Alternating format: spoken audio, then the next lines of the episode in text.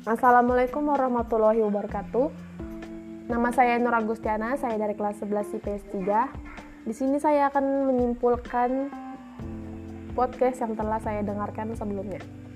Masa pendudukan Jepang di Indonesia awalnya disambut baik karena Jepang juga memperbolehkan umat Islam beribadah haji. Namun lama-kelamaan Jepang mulai menguras SDA di Indonesia untuk keuntungan perang. Dengan adanya Rumusa, banyak SDM yang dikirim untuk kerja paksa, sehingga banyak yang mengalami gizi buruk hingga tewas.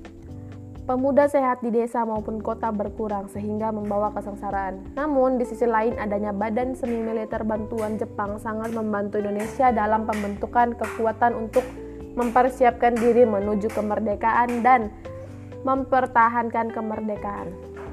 Dan di sini saya mempunyai dua pertanyaan. Pertanyaan pertama adalah apa tujuan pendudukan Jepang ke Indonesia? Yang kedua, bagaimana politik Jepang dalam menarik simpati bangsa Indonesia? Sekian dari saya. Wassalamualaikum warahmatullahi wabarakatuh.